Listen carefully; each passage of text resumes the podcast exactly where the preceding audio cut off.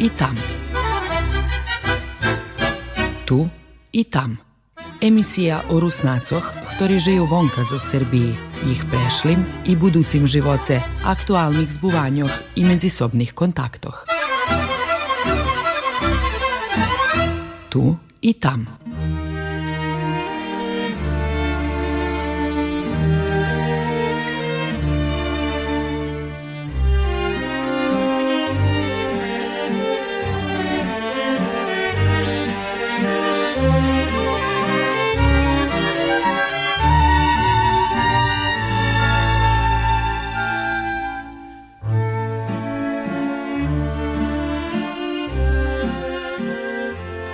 Dobri dzień, počitovani sluhače i vitajce u išće jedne emisiji Tu i Tam.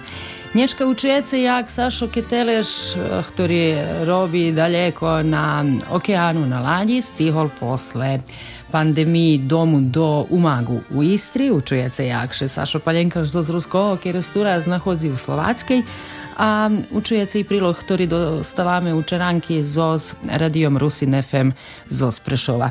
Rušimo zoz muziku.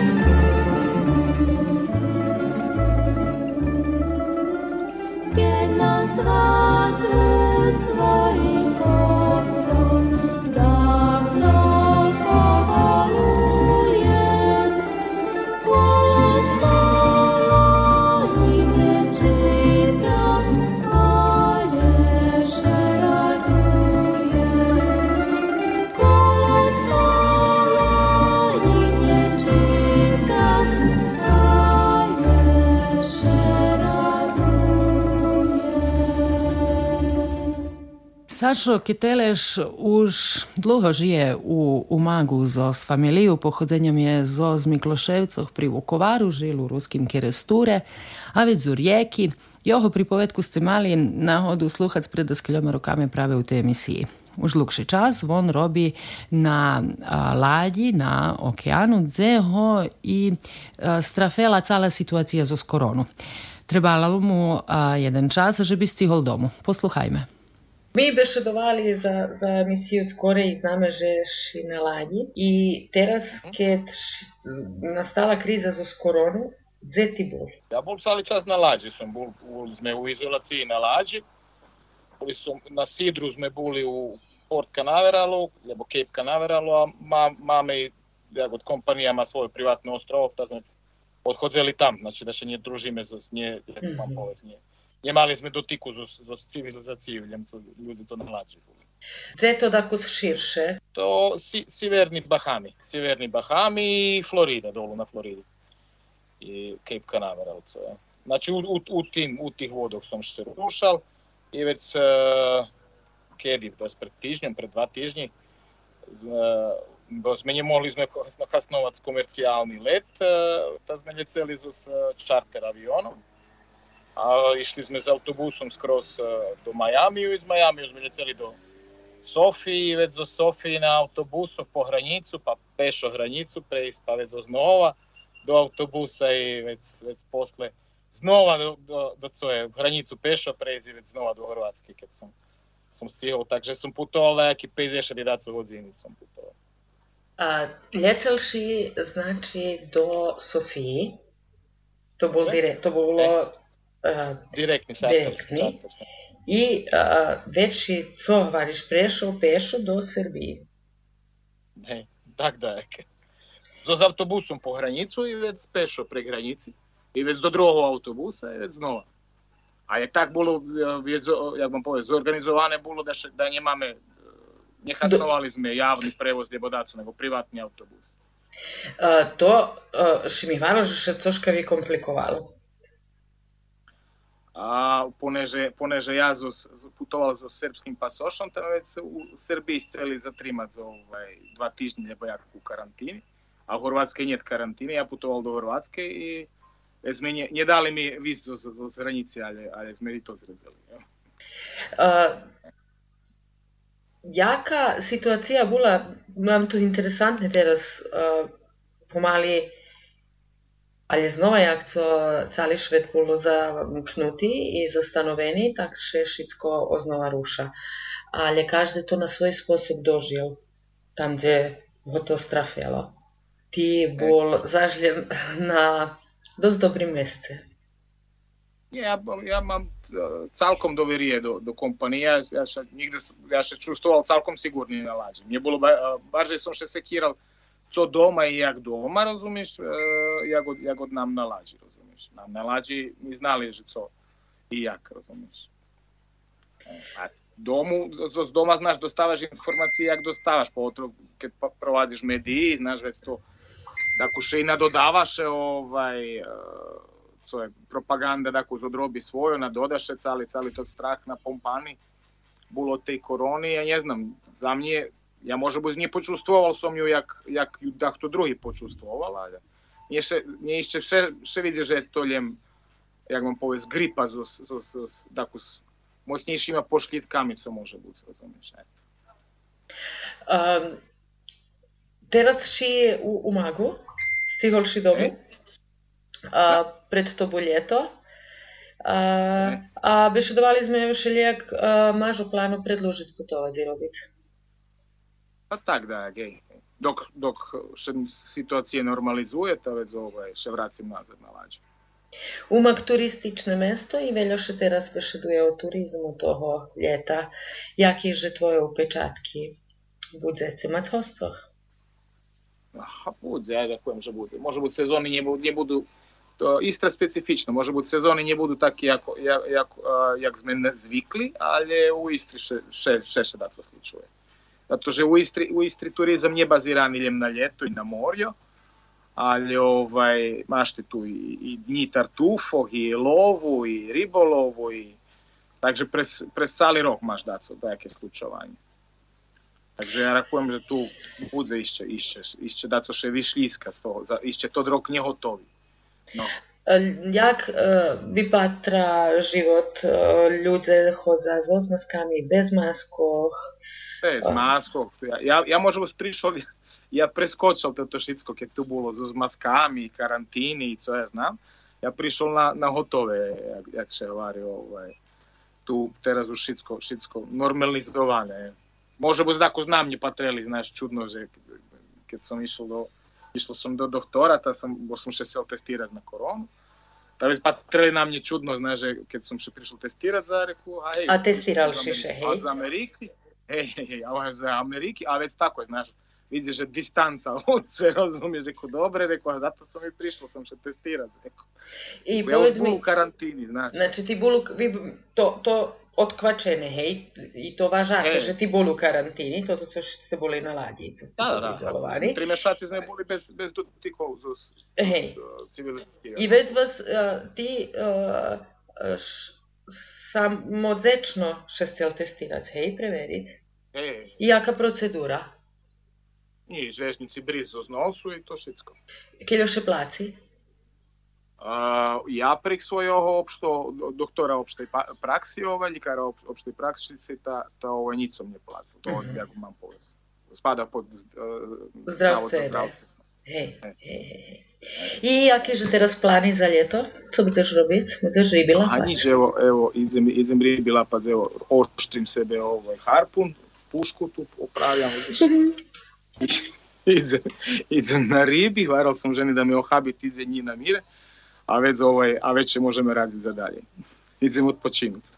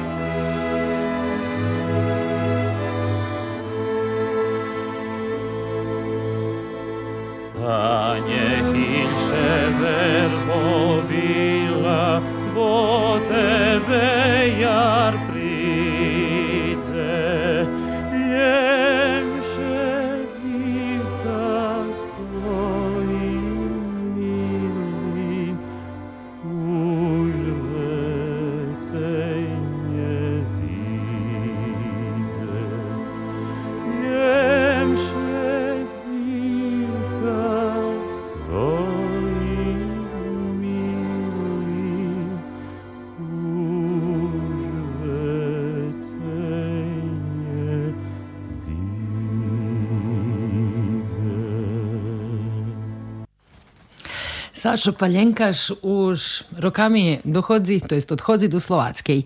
E, Terazi jak člen nacionalnega sovitu, odhodzi privatno, a i jak muzičar za svojo muziku, ktoru tam prepoznali. Pobišedovali sme so Sašom o tih druženjah. Trafilo še do pred par rokami, že som ha, dosť často chodil do Slovacké i po dosť dlho, da, da tak poviem. Та приватно ми пришло до тоа што сум кафу што сум почел заливац и пресо сум едноставно хлеба јесе, понеже они там хлеба слабо хаснуја. А и кет хаснуја тај подли? За наш смак? Шира сошко ше не задуем јаки. Усари не задуем што че сум сласки едно за кеди хлеба. Едно сум тотијаки што ti jaki ši ček nedli to, či nie za mene. Ja to dođu u stvari u Poljske. U, u, u Poljskej znam že som jedol hljeba, a u Slovackej dožil som nemám. Ostatní roky ani ja, ale pamätám, keď sme, deci boli, keď sme chodzili v Žime na Tatri, tá, že mohlo dostať, neviem, jaký tam kifli so skimom, e, nebo také daco. E, točno, točno. Hej, bo u stvari i nam praktikovali. Hljeb jak taký nie. Hej, uh, keď sme išli, povedzme, zo zovu kultúry, do nejakým či hotelu, či uze, sme scéne, tá za frištik, hej, mjesto hljeba, lebo sú už tá, kaký kifločky teraz, tá či rozrežeš či, ovaj, kifločku, či po nej rozmasiš aj maslo, nebo mađu, nebo čo. Ale hljeba, hej, troška slabo. Ale ty im odniesol svoju muziku? Ha, lebo odniesol, lebo oni točili tam v hlave. už tak, jak. Hej, ale ši za svoju muziku bol u Slováckej jeden čas, ši často chodil. Jaká situácia teraz? Pre nejaké privátne stvari som všetky také oboviazky zvedol na minimum. Ovaj, tá preto nemôžem povedať, že som dal celú ceku. No ja privátne dalje robím, snívam, komponujem i také, ale som nemôžu si na tie putovať. Keď som pochopil im, že tam nejaké stvari pomenjali u živote u smislu tým ľuďom, ktorí mi končili tam toto všetko Bolo je tako normalno, že, še še daco menja i še dalje. Ovaj, ali i dalje prihoza neke informacije, že muzika dohodzi do njih. Zajedno že šitska na internetu, ovaj, na raspolaganju, ta može slukati. A razumija. Hej, ha, oni to tam varja potu u vihodne Slovatske, že to ih bešeda, masu na odi postretaci starših babu džidoh, u smislu pregzeveša troke, roky No hej, oni útorok, že jak ja super bešudujem po slovácky a ja im toľko, že to nie slovácky, ale hej, všaký jazyky tak, ale hej, starším osobom to už tako skomplikovanšie bolo, ale mladším bolo bardzo interesantno, bo oni tako bešedu čuli ľudia od svojich pokojných baboch i džidoch a teraz naraz mali nahodičuc i autorskú kompozíciu i uh, tematiki na tim jeziku, który obrabiani ta aktualne tematiki. Znači Czy na poli... tym archaicznym a, je, jeziku. E, tak, je. A który czas, co się odchodzał? Gdzie się odchodzał? To Prešov, Košice, tot kraj? Ha, cal, ha, cała ihodna Slovačka i raz me buli u Bratislavi na Vihonjarskim festivalu. To oni tam tako su ovaj, seli Bratislavčanoch zezac. Tam je boli jeden východňarský festival u Bratislavi, daske roky montiroval, ali pa ne znam co pričina bula hašenja, dajki tri roky dlho, že keď nie, cigani dlže 5 roky uspeli zaokružiť si, već prestali organizovať. Ale máme kontakty so Slovacku i uh, jak to sme imali, oni še uh, menjajú, ale sú Tirváci. Máš nejaké plány za budućnosť? Co še toho dotýka? A plány je spone, že teraz, keď už beše dal Slovácky, máme nielen uh, osoby, s ktorými sme vytvorili akší poznanstvo, ale máme osoby, ktorí, s ktorými sme praktično tu odrosli a tam pošli žiť. Ovaj, a jednu sú hej, teraz s tým, ktorí mi všetko toto končili, pomáhali také. Uh, varím privátne stvari, dok mi še ovaj, primirja, zakonča ta već počnem znova študirati o tih takih stvarov, kaj za teraz som ovaj, ha, ne napom, ograničeni na navolajme to tak, že na studio, hej. Znači idem, mm -hmm. snimam, ovaj, komponujem i take, usputke taki, neki mini koncerti, jak su to dneška, ovaj, odrobim i to je to. Co puštíme teraz? Ha, ne znam, a pois-me-te louco.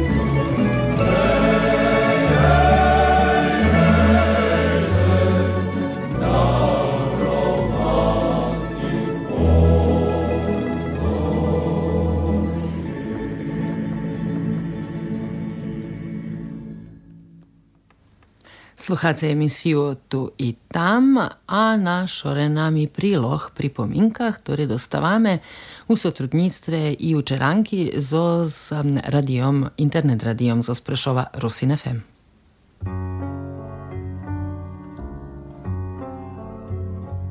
Pripominka. Dobrý deň.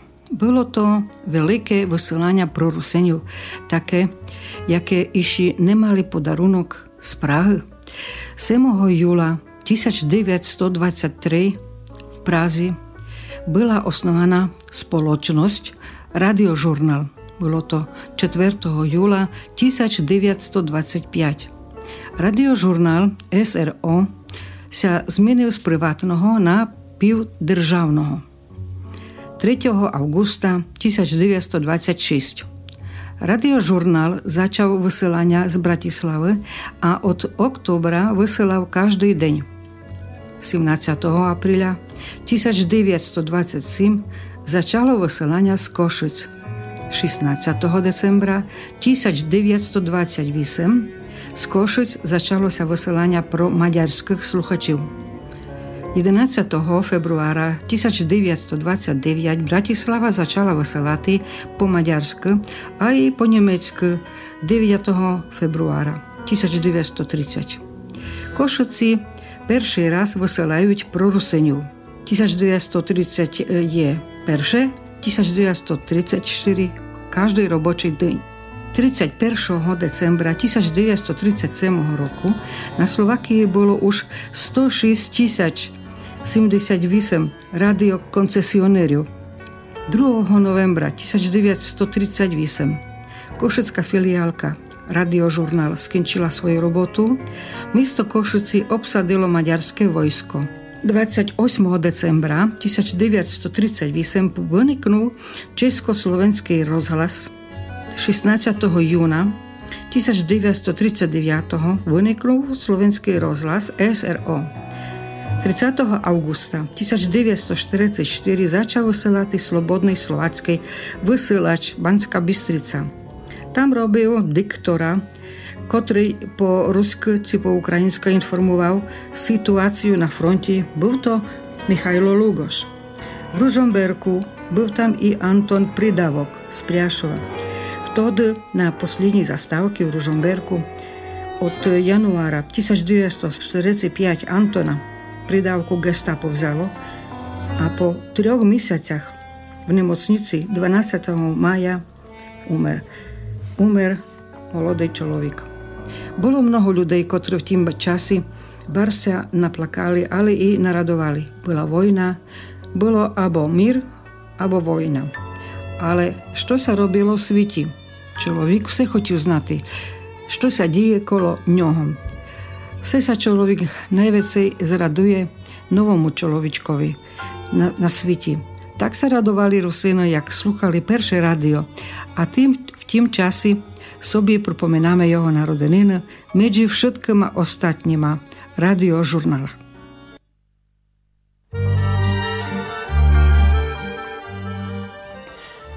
Sluhali ste emisiju Tu i tam. Ja Olja Homova. Do posluhanja.